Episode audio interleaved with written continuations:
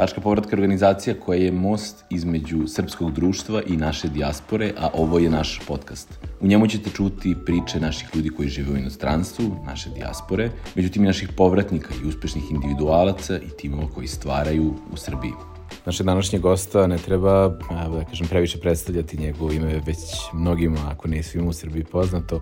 Današnji gost je Stefan Milenković, naš violinista. Kao i većina naših razgovora na našem podcastu, govorili smo o odlascima, o povracima, razlozima i za jedno i za drugo, ali iz jednog specifičnog i posebnog ugla kakav i Stefan imao ceo svoj život, s obzirom da je kao sasvim mali dečak postao poznat širokoj javnosti i takvim životom živi i danas. Pričali smo o tome koje su to i sve iskustva koje su ga obeležila, kako on vidi danas život e, u Srbiji, posle 20 godina života u Italiji i Americi, on se vrati u Srbiju, živi danas u Novom Sadu sa svojom porodicom i govori o tome ko je Srbije to iz koje je otišao, kako izgleda danas zemlja, šta su te stvari koje su mu nedostajale, koje stvari bi danas u našem društvu mogle da budu bolje i da li danas ima novih talenata poput njega. Nadam se da ćete uživati u ovom podcastu zato što je onako sveobuhvatan. Stefan je, pored toga što je vrsan muzičar, vrlo filozofski govori o svim aspektima i svog života i, i našeg društva i drugih nekih konteksta, tako da ja sam zaista uživao u ovom razgovoru. Nadam se da ćete vi živati u novoj epizodi podcasta Tačke povratka. Stefane, dobrodošao. Hvala. A, lepo te vidjeti u našem studiju. Mi smo ovaj, e, sarađivali ranije a, na talentima na okupu, bila nam je čast da te ugostimo i ti si nam zaista priredio posebno iskustvo za nas i naše goste. Uh, koliko sada već dugo živiš ponovo u Srbiji? Pa, mogu da kažem onako oficijalno, to je sada malo više od godinu dana. Mi smo se uselili u naš stan u Novom Sadu a, u julu prošle godine. E sad, pre toga je bio jedan period dosta dug od tog nekog početka novembra e, 2020. do tog jula mm -hmm. 21. E, bila je tranzicija I, i onda smo bili negde između Beograda, Novog Sada i Banja Luke u stvari. Mm -hmm. Dosta smo bili u Banja Luci jer e, naš klinac je bio baš mali tada i tamo smo imali pomoć sa mojom taštom koju e, ovom prilikom pozdravljam. Uvek nezaobilazno. To je apsolutno najbitnija poruka ovog podcasta. Prva da ne zaboraviš. Da zaboraviš. I ovaj... I ne vraći se kući. pa naravno.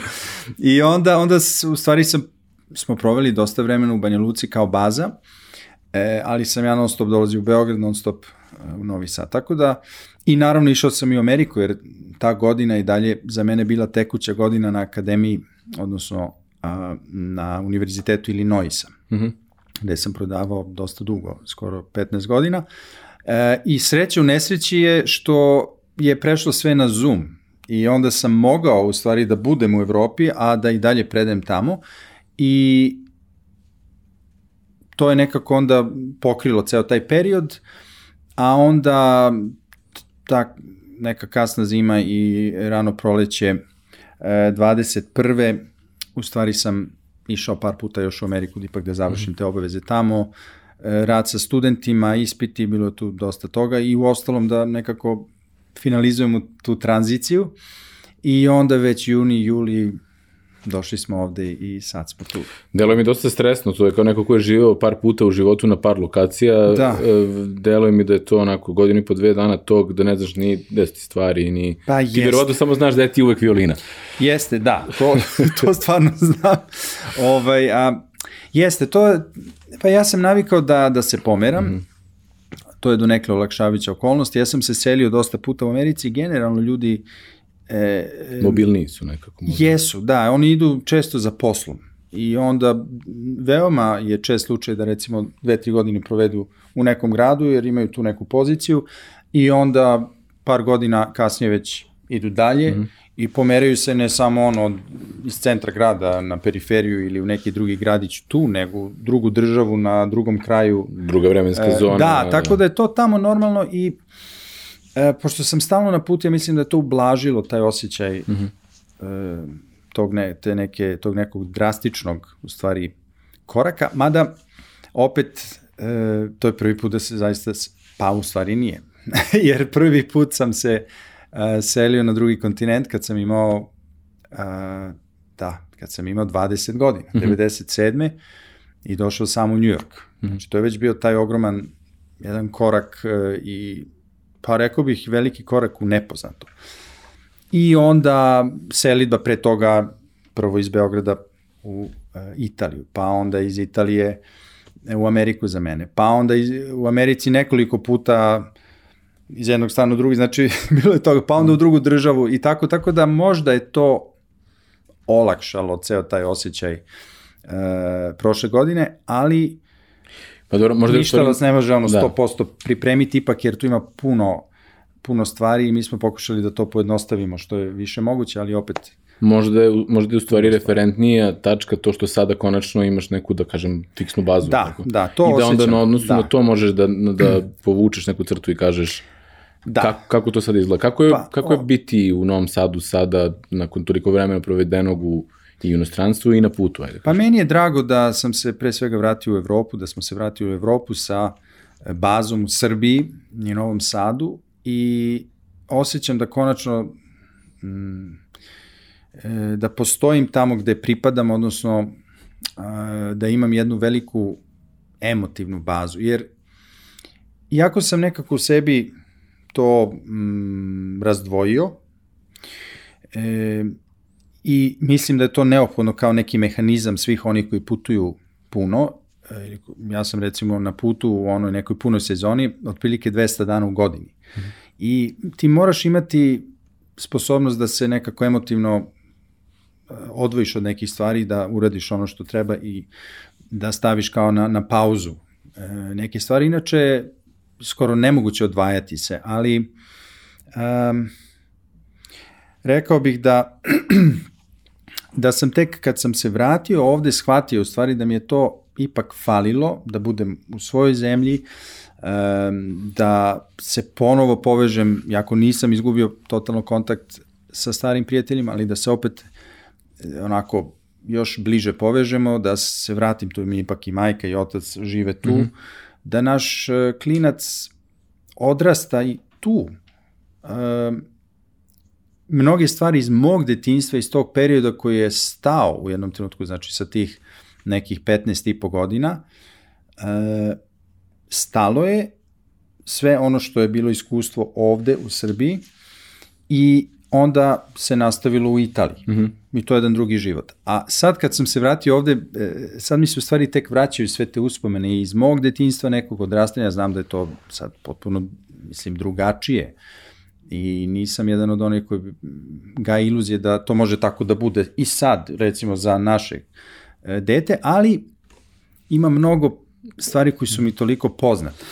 Da. I mislim da će i njemu to koristiti, a ostalom tu smo i mi, e, koji, barem za sada možemo zaista da mu praktično garantujemo to jedno okruženje e, ljubavi, da su tu sada i e, oni iz naše najbliže familije i sve to, ja mislim, je veoma, veoma dragoceno.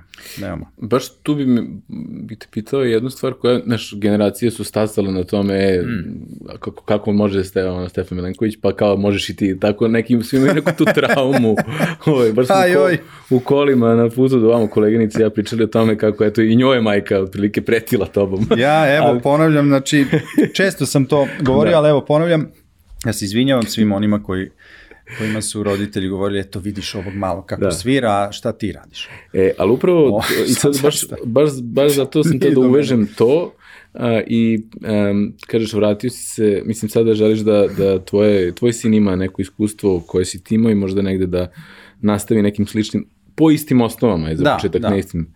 Um, zanimaju me ovde dve stvari. Jedna je kako je zapravo izgledalo to iz prvog lica biti Stefan Milenković u tom, u tom momentu kao, kao dete koje je bilo tako da kažemo i eksponirano, a sa jedne strane, a sa druge strane, da li je da li bi voleo sličan put da ima i tvoj sin ili, ili nešto potpuno drugačije? Pa, ovako, prvo, teško je um, objektivno sagledati taj moj život i period jer zaista ja sam bio u tome i iz mog ugla e, to je bila jedna dualnost između te neke veoma jasne ozbiljnosti i posvećenosti instrumentu, e, jer sam to shvatao tako, tako mi je to i usađeno i neka radna navika i neka etika u stvari tog pristupa.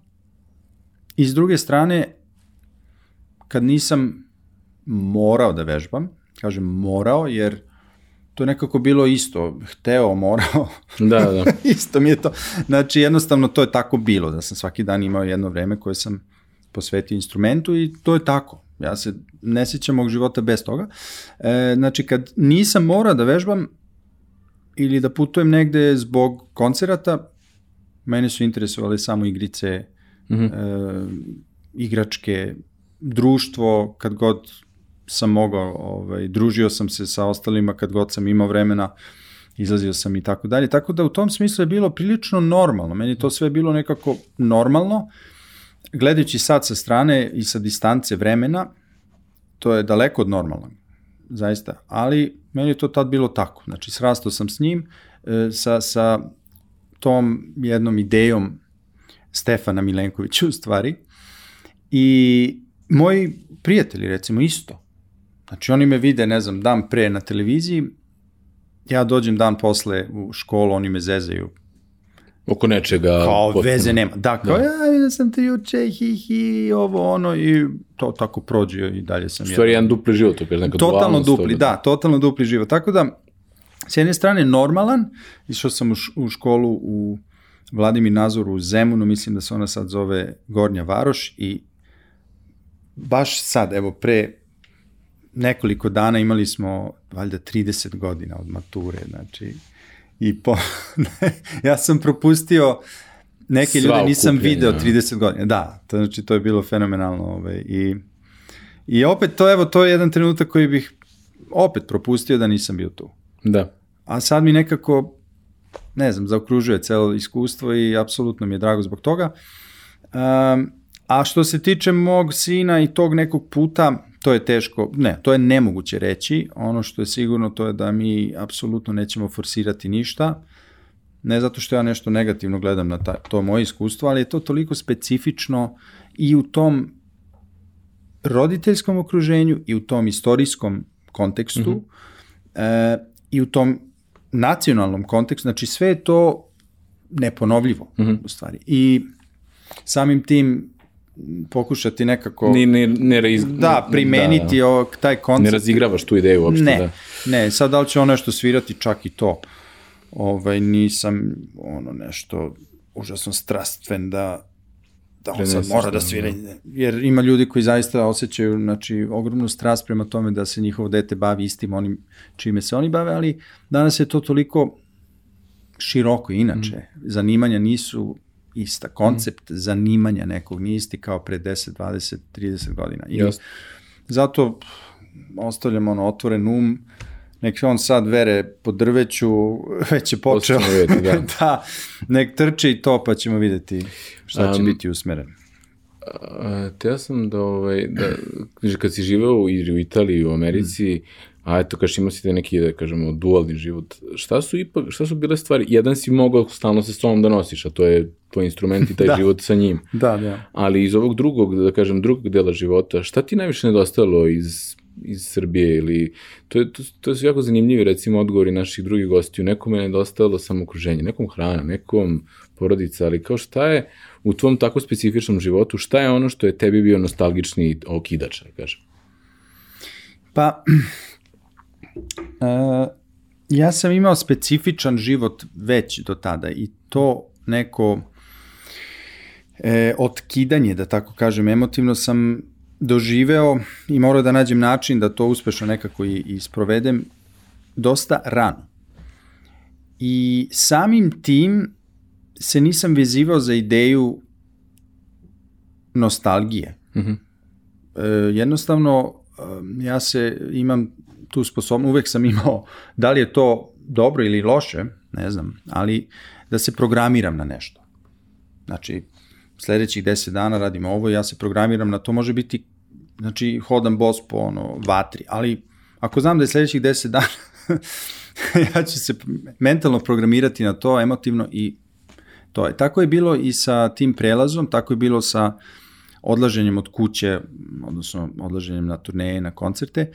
I onda nisam radio sam na, na, i na sebi um, ne, i svesno, ali ja mislim negde i nesvesno, da nemam previše tih stvari koje mi non stop fale, koje me stalno izjedaju, kojima stalno težim, jer ako živim u tom nekom razdoru u stvari, u toj nekoj tenziji, u tom nekom zatezanju emotivnom, nešto nije u redu, ako to traje dugo, onda sam možda na pogrešnom mestu. Onda ne bi trebalo da budem negde drugde. Trebalo bi da budem tu. Mm -hmm.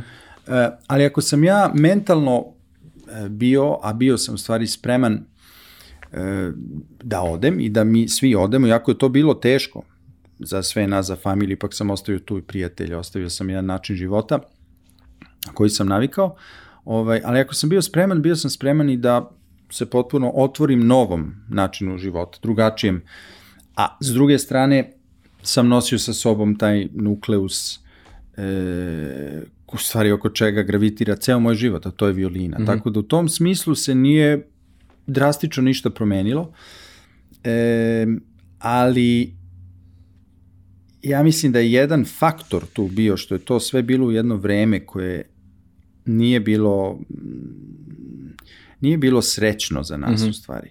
Znači rane 90 tih poslednjih meseci, ta poslednja godina, recimo, ta neka 92. već, bilo je strašno. U, u Beogradu ja sam doživeo puno epizoda straha. Straha, znači, bile su tu neke stalno neke grupice, e, bande neke koje su se muvale. Mi smo vozili skate i sve gore i gore postajalo, ta jedna atmosfera ovaj, nekog pritiska stalno i tako dalje, onako je e, jedna mračnija energija.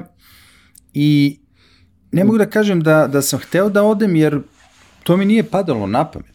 Kao klinac od 15 godina nisam imao takve, ovaj, takve ideje u tom trenutku, nego nosiš se s tim što imaš u to, da. ovaj, što ti ono život e, predlaže prosto. E, ali moji roditelji su već počeli da razmišljaju na tu temu, pogotovo što mnoge stvari su postale otežane, a čak i nemoguće. Recimo, putovanja su postala da, noćna vize, mora, sve, da, da, vize, pasoš ti ne važi nigde, nigde više. Ono, ideš po konzulatima, vređaju te, deru se. A, nestašice razno razne, inflacija katastrofalna, ne mogu ljudi da te dobiju telefonom, pošalju faks, nikad ne stigne. Mislim, ti hoćeš neko da zoveš, ne do...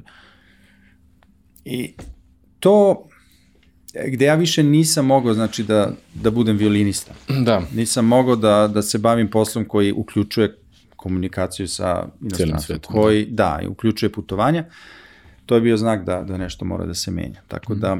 Dobro, i to je nekako, mislim, da, sad iz, iz te perspektive nije baš puno bilo ni toga šta je moglo toliko da ti nedostaje. Pa da, da ono, tu i tamo neki mračno. ćevapi, tu i tamo neka muzika, da. tu i tamo društvo i to, ali s druge strane bilo i ovih drugih razloga uh, E, koji su bili dovoljno jaki ovaj, da, da prosto ublaži tu taj osjećaj od nostalgije. Na kontru toga, kako je, mislim, kako je izgledao jedan tvoj dan, recimo, na, na Juilliardu? Ono, kako je izgledao jedan prosječan dan? Vežbao bih od, recimo, 8.30 do 12.30 i posle od 3 do 7 i sve drugo je bilo, ono, jedem i malo se odmaram i to je to.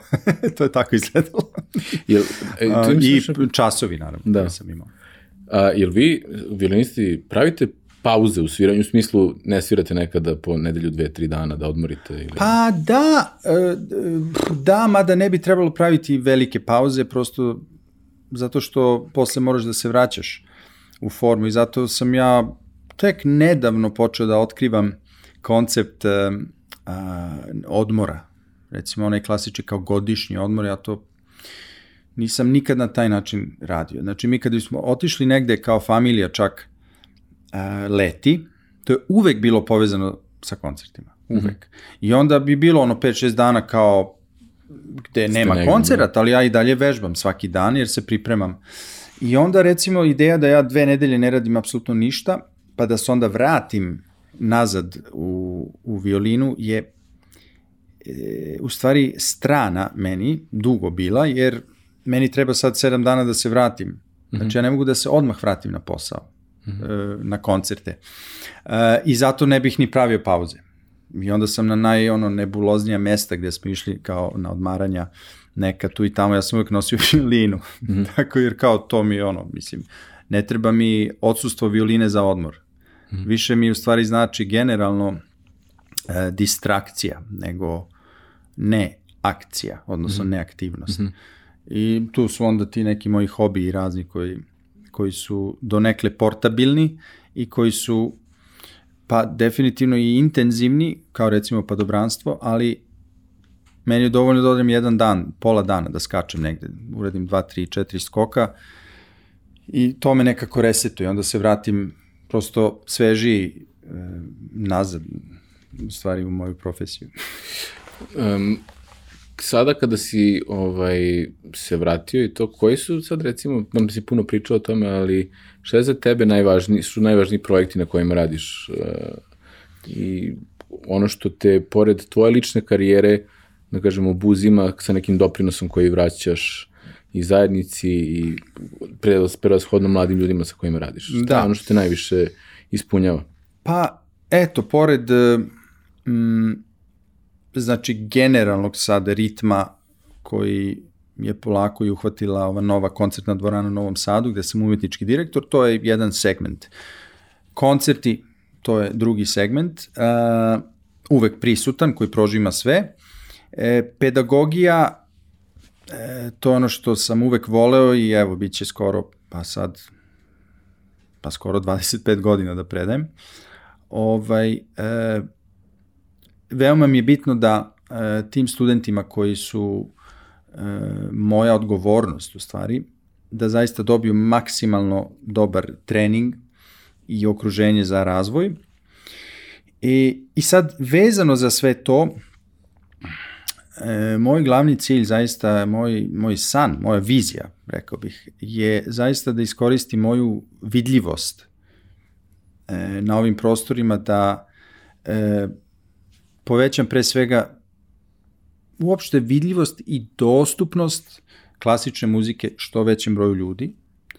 E, i da se posvetim kao što to već jesmo kroz recimo projekat e, Gudačka reprezentacija mladih izvođača u saradnji sa našom e, nacionalnom platformom Srbija stvara, e, koji originalno bio za Dubaj, znači da se predstavimo sa tim mladim talentima u Dubaju, ali se onda nastavio kroz druge koncerte, što je jedna lepa stvar, prosto da klinci imaju i... Znači to je, uh, to je jedan segment da, da drugi koji sviraju uh, mladi ovde vide da imaju čemu da streme, da, da su inspirisani sa time, da to možda inspiriše i mlađe, da počnu uopšte da sviraju, da ti onda dobijaš uh, e, više regruta u stvari za e, onda trening, odnosno dobro školovanje koje mi inače već imamo, imamo mnogo dobrih profesora, e, tu bih volao ja da doprinesem koliko god mogu. E, sledeći segment je da e, započnem svoju fondaciju, mm -hmm. fondacija Stefan Milenković, koja bi se prevasodno bavila u stvari e, pomaganjem mladim muzičarima, i to e, u vidu pozemici instrumenta, recimo instrumenta i gudala, jer to je e, jedna stvar koju vidim da dosta fali e, često ovde. I ovo bi bio jedan način da se napravi spona i sa inostranstvom u ostalom, gde ima mnogo veći izbor instrumenta, imaju fenomenalni instrumenti, da se onda prosto ti instrumenti i gudala, e, pa onda u nekom trenutku i neke stipendije da se to omogući našim uh, mladim umetnicima, jer mislim da da nema boljeg načina da se jedna zemlja predstavi nego kroz umetnost, kroz muziku, kroz te mlade ljude koji su a, odlučili da se posvete nečemu što je e, jedna utopija skoro, e, što nije e, moderno, što nije um, na onaj neki... I nije instant. I nije instant uopšte, to je obrnuto od instant. da. Znači, E, mnogo je težak put, treba se posvetiti, svirate instrument, konkretno violina, znači koji zahteva godine. Koji zahteva godine, to su godine i decenije e, posvećenosti e, i na kraju da biste bili klasični umetnik. Ali ja to shvatam kao, kao da se posvećujete čuvanju istorije, da vi na sebe preuzimate odgovornost, da budete čuvar istorije, kao neko ko recimo pravi samurajski mač katanu ono, na isti način, način kao i pre godina, hiljadu da. godina. Da. E, to je i ovde, znači vi sa svojim telom, doslovno, umom i emocijom a, preuzimate na sebe jedan deo istorije i nosite ga dalje. Tako da svako ko se odluči na taj put, e, od mene lično ima e, najveći respekt moguć i zato moj plan sa tim projektima kao što je Igrami, ali i druge stvari koje su sada mm, u pripremi, je da, da im se da što više da im se da sve što može. Ja, jako mi zanimljivo što sad baš pomenuo to kao čuvar nekog, da kažemo, klasičnog mm. nasleđa, a s druge strane i pomenuo si platformu Srbija stvara i baš sa njima, ako sam dobro povezao, sarađivo si sa Nele Karalićom na, na da, ovaj da, da. spoju roka i klasika. Kako, pa eto. Opet, to je opet malo iskakanje iz tog tradicionalnog formata. Da. Šta je to tebi značilo i šta si ti kao neko ko je mislim, ti si u početku prvi album koji si kupio bio je rock ili death, pa death metal. Ono, da, on Anthrax, ne, da. grupa Anthrax, da. Ovaj, ali uh, šta je za tebe sada kad imaš toliko klasičnog iskustva i treninga i tebi je to u, u telu i umu i u mm -hmm. emociji, uh, šta je za tebe značila ta saradnja koja je iskakanju potpuno neku novi format sa instrumentom koji je tvoj? Pa, mislim da je to veoma bitno. To je inače i nekako deo mog brenda. A, neću da kažem da ljudi očekuju to od mene, ali ako pogledamo moj istorijat u poslednjih 20, pa više, skoro 30 godina, u stvari uvek je uključivao nešto nekonvencionalno. Mm. E, to nije zato što ja pratim tendencije neke. Pokušavam da tako ostanem relevantan u nekom e, smislu karijernom, nego je to moja ličnost. Mm. Mene interesuju različite stvari, e, raznovrsne stvari, kontrastne stvari, e, po meni je to i sama suština umetnosti nekad, upravo taj kontrast, da ljude intrigira, nekad možda i smeta, ali e, to je uvek fascinantno, to je bitno i kad sam bio klinac počeo sam ono malo da sviram i jazz, pa onda sam imao saradnju sa, ne znam, Vlatkom Stefanovskim, mm -hmm. pa onda Sedinom Karamazovom uh, drugi jedan projekat, pa onda Tango Kompas projekat, pa znači bilo je tu E, dosta toga i ovo sada je jedno onako svojevrsno ludilo, pogotovo mm -hmm. zato što je spojeno nešto što ovako na prvi pogled ne može da se spoji e, ili teško može, a i mnogi su bili skeptični i e, pitali se, dobro, kako će to uopšte da, da izgleda, kako će to da zvuči, kako može uopšte.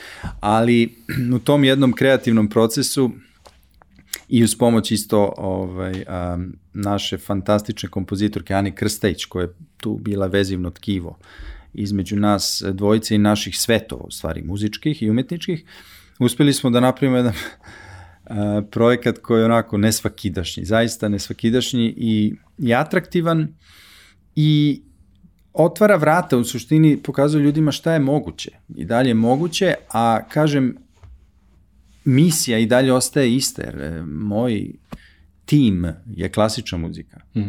Ja igram za taj tim.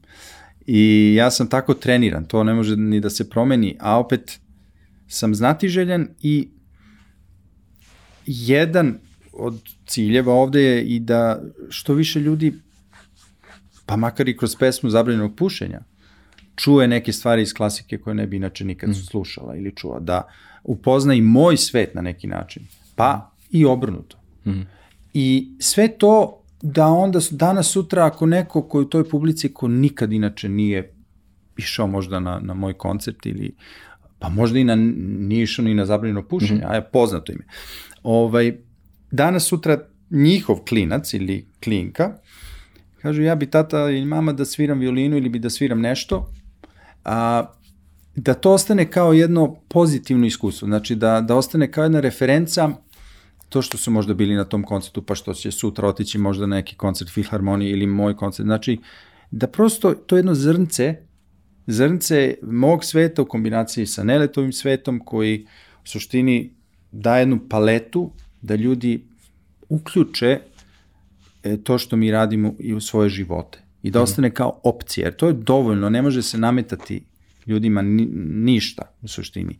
Čak rekao bih da stvara e, otpor ako se gura sad, klasičamo. Ali ovako, Znači, klasika to ne ide nigde, što se tiče mm. mene i mog, mog predstavljanja, ali ovo je jedan novi način i ako postoji pola posto publike koja se sad zainteresovala za klasiku, zato što je čula nešto što ne bi inače slušala, i možda neki klinac jedan sutra odluči da zbog toga možda krene tim putem, ja sam svoju misiju ispunio. Mm -hmm. um, imamo nešto kad smo pričali kada smo se dogovorili da će doći na naš podcast, ovaj, e, jedno pitanje koje kolega sam zamolio da nekako da postavim jeste, s obzirom da je tvoj ceo život praktično pod nekim reflektorima od mali, mladi dana. I kada bi jednog dana, pošto je verovatno vrlo izvesno, bude snimljen neki film o tebi, mm -hmm. uh, ko bi volao da te glumi i zašto baš Miloš Biković? to je zašto da? ja, dobar je. Pa jes, hvala. Može. to, to, to, to, znači, to smo. Ja, da, pa ne, evo sad e, sam imao neku ponudu nedavno i upravo je sad u stvari razmatram. Nije top secret zato što je to toliko nebulozno meni i najverovatnije će se i desiti i, i ništa još nije ni potvrđeno, tako da mogu slobodno da kažem da su me u Italiji, jedan veoma poznat italijanski režiser pitao, uh, pitali su me tamo da snime film gde bih ja kao glumio sebe Mm. I sad treba da, da pročitam taj scenarij, da vidim šta on još tu snimao i da... Ali eto, tako da možda bi ja trebalo da glumim sebe, pa, ali Miloše, brate, slobodno, slo, slobodno, to nema, Dobre. nema diskusije. Evo i mi smo, ako su oni krenuli, ako su italijani krenuli da vrbuju na jednu stranu, mi smo krenuli na drugu, tako da ipak naša domaća filmska industrija se odlično razvija, možemo da jeste, da pariramo. Jeste, jeste ovaj, uh, imamo i neka ovaj, pitanja koje postavljamo ovaj, uh, praktično svim gostima koji dođu, ali za tebe ćemo ih ipak malo prilagoditi. Jedno od pitanja je uh, uh, koju knjigu si najviše puta uh, poklonio nekome? Uh, I to može da ostane sa jedne strane, pa svoju. ali, ali sa, nama bi, sa nama bi bilo i, da. i koju, koju recimo ploču ili koji neki disk ili kome, šta si recimo, koju muziku si najviše poklanjao ako si poklanjao I tu, e... pošto smo imali i pisce, pa smo govorili izuzev tvoje knjige. E, da, baš da kažem, lako je njima. E, pa, ajde da počnemo, pošto sam muzičar, onda prvo sam moj CD poklanjao mm -hmm. bezbroj puta, znači to je ono što se podrazumeva. E sad, e, što se tiče, dru... recimo, knjige, pa ja mislim da knjiga koju sam najčešće preporučivao i čak poklonio nekoliko puta, jer iskreno, ja ne znam ko je ta osoba koja je istu knjigu poklonila ono sto puta nekome. Da li vi poznajete nekog takvog ko ono... Jo, ja poznajem, ja poznajem. Ima ljudi koji ono stalno poklinju knjige i uvek tu istu Ne, ja poznajem, poznajem par ljudi koji ova knjiga meni promenila život, mislim da treba da pročitaš. I onda... E, to da, ali koliko puta? E, ti, ni, moj otac imao jedno vreme u, u Gepeku, ono tipa sandu knjiga. On je jednom naručio od 7 godina 50 A, knjiga koje je podelio. A nije ono, Jehovin svedok, je tako? Ne, nije, nije. On je recimo, on imao neku, okay. neku ovaj, uh, neki, spe, neki special edition je 7 godina izbacio i sad on je sveta marketinga. 7 godina i sveta marketinga. A, da, I da. onda je to knjiga koja je njemu bila fenomenalna, ja mislim da je 50 knjiga podelio. Ok, svaka čast, brate. Pa evo, ja, ovaj, ja mislim da sam najviše puta dao nekome i čak pričao o toj knjizi kao preporuka. E, razgovori sa Bogom, Neil Donald Walsh. Mm -hmm. Sad, mnogi su čuli, mnogi nisu možda, ali ta knjiga u jednom trenutku je ušla u moj život, rekao bih možda u pravom trenutku, mm -hmm. baš tih nekih ranih 2000-ih. Mm -hmm. I to se podudarilo i sa početkom mog treninga, uopšte i e, života u, u Njujorku, početkom isto e, predavanja na Juilliardu, upoznao sam Dorothy Dile, počeo da radim sa njom, upoznao Perlmana, e, počeo da treniram taj jedan ruski sistem e, Combat Sambo, ruska borilačka veština, ko, koji sam posle trenirao pet godina a, i dostigao znanje majstora, odnosno um, to se zove majstor sporta u stvari. Mm. To je onih 10 dana hodanja po vatri, pa ti odradiš 5 pa, godina da. da dođeš do majstora i onda je to Jeste, onda, onda mogu. Ma nastavio bih ja, nego sam vratio posle u, u Rusiju, pa ja sam preuzeo tu klasu i absurdno sam imao čak, pa jednog više studenta uh, u Combat Sambu nego na Juilliardu te prve godine. Da. Ovaj, ali i ta knjiga je ušla u moj život i nekako mi je otvorila vidike. To, um, to morate pročitati da bi, da bi mm -hmm. videli o čemu se radi. Um, ali to je jedan razgovor sa sobom u suštini, razgovor sa sobom, sa tim glasom koji svi mi čujemo, razgovor, dijalog sa e, majstorom koji je u nama, svako od nas ima e, jednu, jednu urođenu mudrost, rekao mm. bih, koju posjedujemo, koja je često možda e, malo zatrpana ili ne malo... znamo da kanališemo. Da, malo uspavana nekada, ali i tekako je tu prisutna. Da, i uopšte, znači, to je ovako sad veoma uprošteno, ali e, ta knjiga mi je onako, rekao bih, promenila život u tom trenutku mm. sigurno, a tad sam čitao inače dosta. Čitao sam, pa dostigao sam tri knjige nedeljno. To mi je bio rekord. a, čak sam zapisivao i dalje, i dalje imam a, te neke fajlove gde sam zapisivao šta sam sve pročitao i stavljao zvezdice, ono, kao, ovaj, kao rating. Stvarno? da. Posle, pored toliko da, ovaj, da. sati sviranja violina ima si toliko vremena pa, da... da, jer recimo, meni je trebalo neko vreme m, mm, podzemnom železom, metrom da dođem do Juilliarda, da se vratim, živao mm. sam u Queensu i to je bilo zlatno vreme da, da čitam. To je vreme za tebe. I to praktično mogu ono sat vremena dnevno minimum, onda pred, nisam toliko bio zaboden u taj mobilni telefon, mhm. recimo, mm -hmm. tada. Kao što većina nas danas, nažalost. Jeste, Tako da, da danas e, malo ljudi čita uopšte.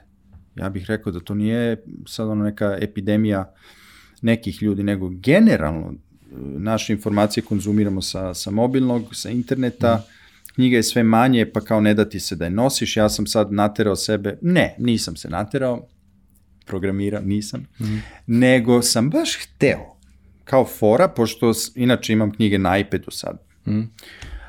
uh, kupio sam Dinu, ok? -hmm. Jer sam video novi film i oduševio se, meni, meni se dopla taj, uh, ta mm -hmm. nova Dina. Mm -hmm. e, a upravo te neke 2004. recimo sam pročitao celu Dinu na engleskom. Mm -hmm. uh, I ne znam koliko je to knjiga, to je puno tih knjiga, recimo pet ili šest. Mm. I to sam progutao i ostalo mi je kao, eto, jedno onako lepo iskustvo u životu, da sam ceo taj ciklus pro, e, pročitao. A sad sam teo to da pročitam na srpskom. Mm -hmm. I onda sam kupio, i to, to je ovolika knjiga, Dina, ta prva mm. knjiga, i to vuče me ove mesec dana. znači, to je ono, antipraktično. Da. E, ali nekad je tako bilo, ako odem na neki duži put, ja ponesem dve, tri knjige, četiri, to je ono... I da. Razumeš? Uh, ali ja mislim da se sve manje manje tako razmišlja danas uh, i baš zbog toga sam hteo da bude nešto malo romantično i onako sa pogledom unazad. to je, ja mislim da tu ćemo svi morati da, da u nekom trenutku razvijemo taj tvoj nivo discipline koji imaš prema violini svaki dan, da imamo da taj nivo discipline da se odupremo teško. prevelikom vorteksu koje nas ovaj uvlači. Na svako ima neki svoj, ali... Da, ima, ima. Mm. E, na internetu, recimo, to je bio jedan od važnih delova ovog masterklasa koji je mm. upravo završen, dobro, ne upravo sad, ali pre nekih mesec dana. Trajalo je dve nedelje i bilo je deset polaznika, isto u saradnji sa, sa Srbija stvara. E, to je druga godina da radim taj format ovde u Srbiji. Radio sam ga na nekim drugim mestima, ali ne dve nedelje. Radio sam do sedam dana. I moj ultimativni cilj je da to bude tri nedelje, da bude kao uh, jedna letnja škola i, i sadržaj veoma, veoma gust. Mm -hmm. Tu mhm. ima svega. Mi počinjemo u trenutnom formatu u 7.45 ujutro uh, sa fizičkim vežbama, zagrevanja koje su specifično e, prilagođene za, za muzičare, za, za nas koji, mislim, e, pogotovo za taj jedan šarenolik izbor. Klinaca da. koji nisu navikli, a pogotovo ove generacije sad, koji nisu navikli na fizički pokret mm, uopšte skoro. I onda, i to je zbog tehnologije, rekao bih. Tako da to, pa onda nastavljamo sa nekim vežbama disanja, onda se prelazi na časove, grupne časove, e, onda imamo tamo negde oko pet, to je sve bez, bez neke pauze, oko pet e, je a, druga vrsta fizičke aktivnosti sad koja nekako vadi tu tenziju iz tela koja mm -hmm. se nagomila u toku dana, pa onda meditacija ili e, vođena relaksacija i onda teoretski čas u šest, upravo da bi videli kako mogu svoje energije da, e, da menidžuju stvari. Mm. Tako da ti dani budu skoro 12 sati svaki dan, ali... I onda ti nemaš vremena za te neke distrakcije, puni fokus je... Pa ne, ali to je meni fenomenalno kad imam ta, tu vrstu režima, meni je to najlakši život na svetu. Znači mm. da znam kad ustajem, jer inherentno u stvari e, je obrnuto, moj život je obrnut od, e, od rutine. Da. Ono, nekad spavaš sat vremena, nekad osam, nekad ništa, putuje se, svira se, Vremenski znači zone, stalno se menja. Se, da. da. Ja zavidim ljudima koji mogu da jedu ono neki meni svake nedelje sličan ili da se budu u isto vreme. I onda kad imam priliku ja to stvorim sebi ovako mm. dve nedelje, to mi je fenomenalno. Ovaj, ali hteo sam da kažem da smo dosta pričali o tim nekim navikama, odnosno kako se usađuju dobre navike. Mm -hmm.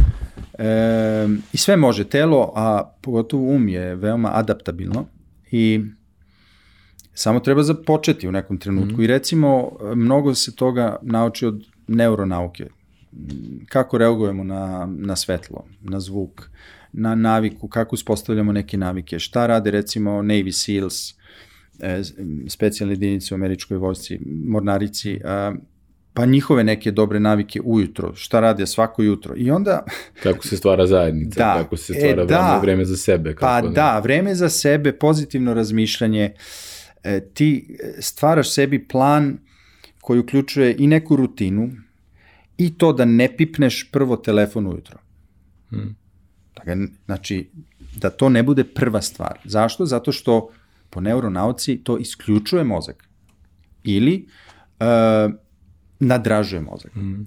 Drugim rečima, prva stvar ujutro vidiš nešto sad, ti već na neki način, e, ako imaš e, neke obaveze, stvaraš neku vrstu anksioznosti za da. taj dan, predviđaš, ono, planiraš.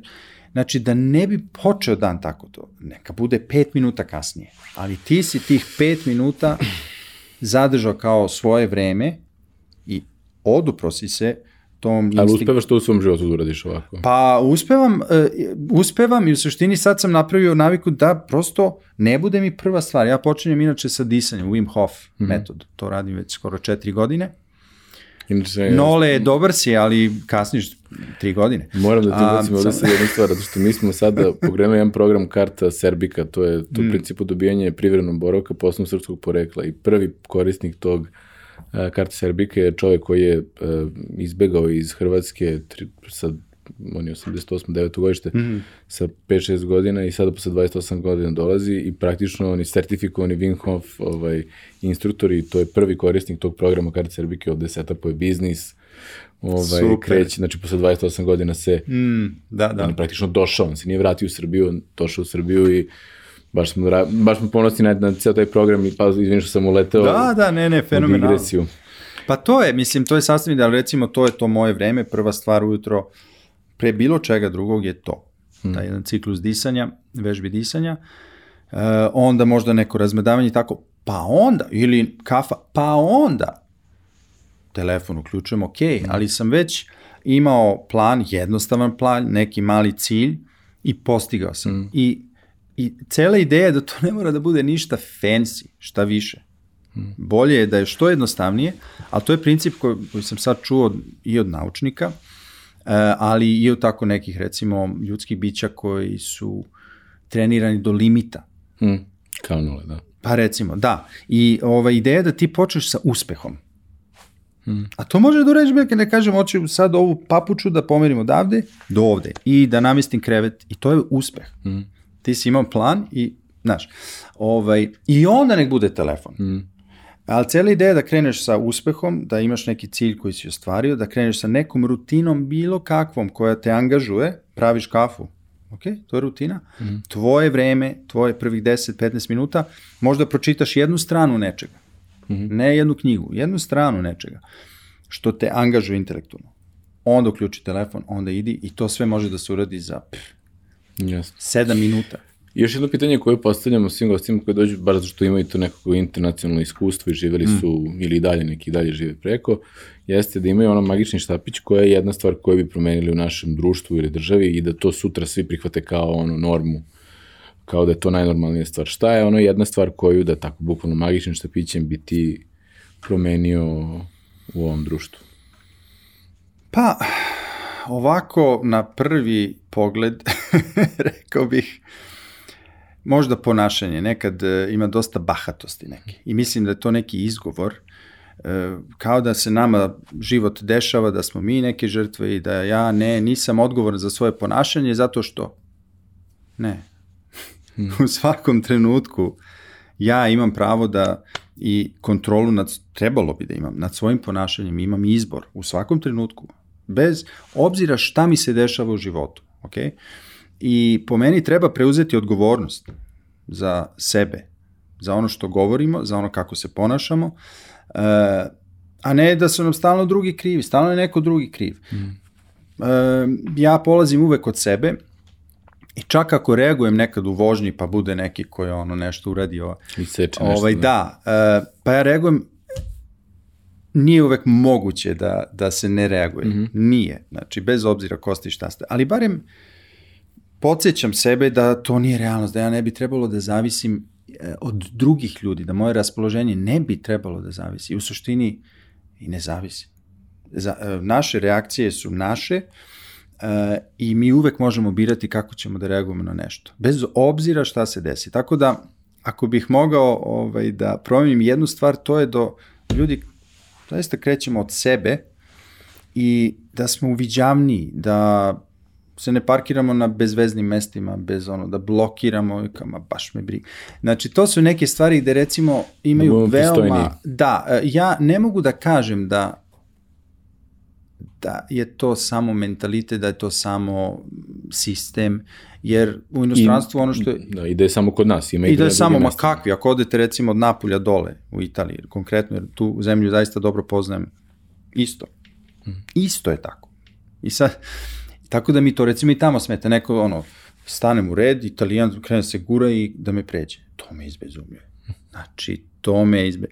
Ovaj, tako da te neke stvari, ono, samo da se da se udaljimo malo od svojih e, emocija, od svojih razmišljanja čak, da shvatimo da to nije uvek realistično, da imamo izbor, da imamo izbor tako da ovaj, onda sve bi bilo možda malo lakše, rekao bih. Mm.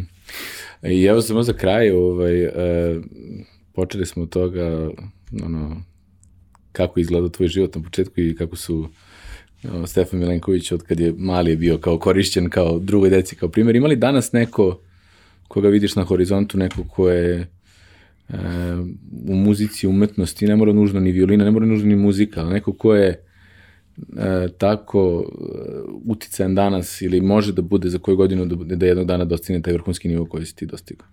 Ovde. Ovde, sa našeg prostora. Pa, ima. E, ima onih koji imaju apsolutno određene karakteristike koje su po meni neophodne za, za uspeh, e, ali je rano reći. Mm -hmm. Meni je prerano da se išta kaže definitivno zato što ima toliko varijabila. Toliko varijabila. Znači, neko može da ima fenomenalnu inteligenciju, da ima neverovatan talent i to da, ali da fali malo discipline, fali radne etike i automatski to nije, to nije dovoljno. Ta kombinacija nije dovoljna. S druge strane ima onih koji i, i tekako imaju etiku i to opet možda E, e, Fali to malo magije. Fale neke, da, osobine koje, gde neke stvari možda lakše dolaze. E, ta, opet i to nije, ali ajde da uzmemo da, znači, da je sve idealno, da, znači tu je i ličnost mm -hmm. i izgled i stabilna mentalna struktura i emotivna struktura, gde si ti u stanju da, da zadržiš stabilnost, ali da u trenutku kada ti treba da pustiš sve to napolje i da bude spontano i nema mnogo onih koji to rade e, potpuno uspešno. Um, znači sve to da je tu i osjećaj za promociju recimo. Mm -hmm. Ili znanje, odnosno sposobnost za promociju, jer to isto mora da ide zajedno danas. Ako vi imate najbolji produkt na svetu, a niko ne zna da ga imate, to je Kao da ga nemate. znači da ga nemate, da. E, tako da je to bitno, a opet da, da je to balansirano sa normalnim zdravim egom, a da nije narcisizam koji sada vlada divlja po društvenim mrežama i tako dalje. Znači, da sve to bude na mestu i da ostanemo verni tradiciji, a opet da stalno guramo neku inovaciju u stvari, zato što um, klasična muzika ne može da stagnira, ona ne sme da stagnira, ona mora da se predstavlja na sveže načine mm -hmm. i tako dalje. E, to je mnogo stvari koje moraju da, da se poklope. Sve to danas, što je dan i noć, znači razlika kao recimo danas i pre 30 godina ili 20, kad sam mm. u ostalom i ja um, imao karijeru u jednoj zemlji, pa bila je drugačija u drugoj zemlji, mm. pa sad je ovde isto tako drugačije. Tako da, to je kompleksno pitanje, ali ima onih apsolutno koji, um, koji bi rekao bi da su na pravom putu i sada treba sa radom da da oblikuju do kraja. Da, put, da se sve to kompletira i da se testiraju ne samo ovde, nego i u inostranstvu, jer je konkurencija drugačija, da se suoči sa tom realnošću i da onda dođu na taj jedan nivo koji je u suštini univerzalan, rekao bih. Znači, taj kvalitet ispod kojeg nikad neće padati. Mm -hmm. E, tako da je to sad proces, ali i tekako imamo onih. Samo ovo je i mala zemlja u ostalom, tako da e, evo danas su izašli e, polufinalisti na, rekao bih, najvećem internacionalnom violinskom takmičenju, e, Indianapolis. I odabrano je njih od 36 učesnika, ne, pardon, 39 koji su nakon preliminarne selekcije da, da. uopšte odabrani da dođu, njih 28 je iz Koreje. Da. E, koja je danas super sila što se tiče gudača. To je činjenica, oni imaju, znači svi su dobri, neki su iz Amerike, koreanci, neki su iz Koreje, Koreje. Veoma malo ima iz drugih zemalja, prosto, a, inače, selekcija, preliminarna Jasne, selekcija da. je iza paravana, odnosno nije ni iza paravana, srađuju se samo audio snimci, ne da, video. Tako da je to da. ono kako oni najbolje zvuče, znači tako se bira. I evo sad, uh, ti polufinalisti, njih 18, isto ja mislim da je 16 iz Koreje. I oni zaslužuju to zato što hoće to. U poslednjih da. 30 godina je bio jedan talas, u stvari nekoliko talasa e, interesa prema klasičnoj muzici, onda profesora koji su hranili taj interes, e, dobra škola, e, dobar trening i ja sam bio sad nedavno, znači u aprilu u Koreji i baš pričao sa nekim ljudima koji su direktno uključeni u taj muzički život tamo i pitao kako su oni to uradili. I taj jedan mi je rekao, pa upravo to, neki od njih pre nekih 30 godina su uspeli. I to onda motivisalo horde mladih da krenu tim stopama. E onda je bilo par profesora koji su se onako potpuno posvetili tome da stvaraju nova pokoljenja um, od tih regruta i stvorili su neverovatan nivo i kaže da je do pre, ne znam, 15 godina Juilliard otvarao vrata u Koreji. Mm -hmm. Ti kažeš da si bio na Juilliardu, a kaže sad više ne. Sad više ne, ti kažeš mm -hmm. bio si na Juilliardu, kao aha, dobro, ali nisi bio ovde. Da. Jer ta njihova škola sada je bolja, prosečno je bolja nego Juilliard. I to, e sad, da li to može ovde da se uradi? Ja hoću da verujem da može. Eto, ja hoću da verujem da može, samo treba možda jedno 20-30 godina, ali ok, još smo mladi. na tu notu neka mislim, želim ti stvarno svu sreću u radu i ovaj, nadam se da, da, da tvoj san ovaj, pa neka dođemo i na fragmentu toga što su postavili, bit će veliki uspeh, tako da hvala ti stvarno i na svemu što radiš i na promociji naše zemlje svuda ovaj, u inostranstvu. Nema na čemu. I, i na toj energiji koju prenosiš i znanje koju prenosiš mladim ljudima. E, hvala ti što si bio gost našeg podcasta. Nema na čemu. Hvala vama.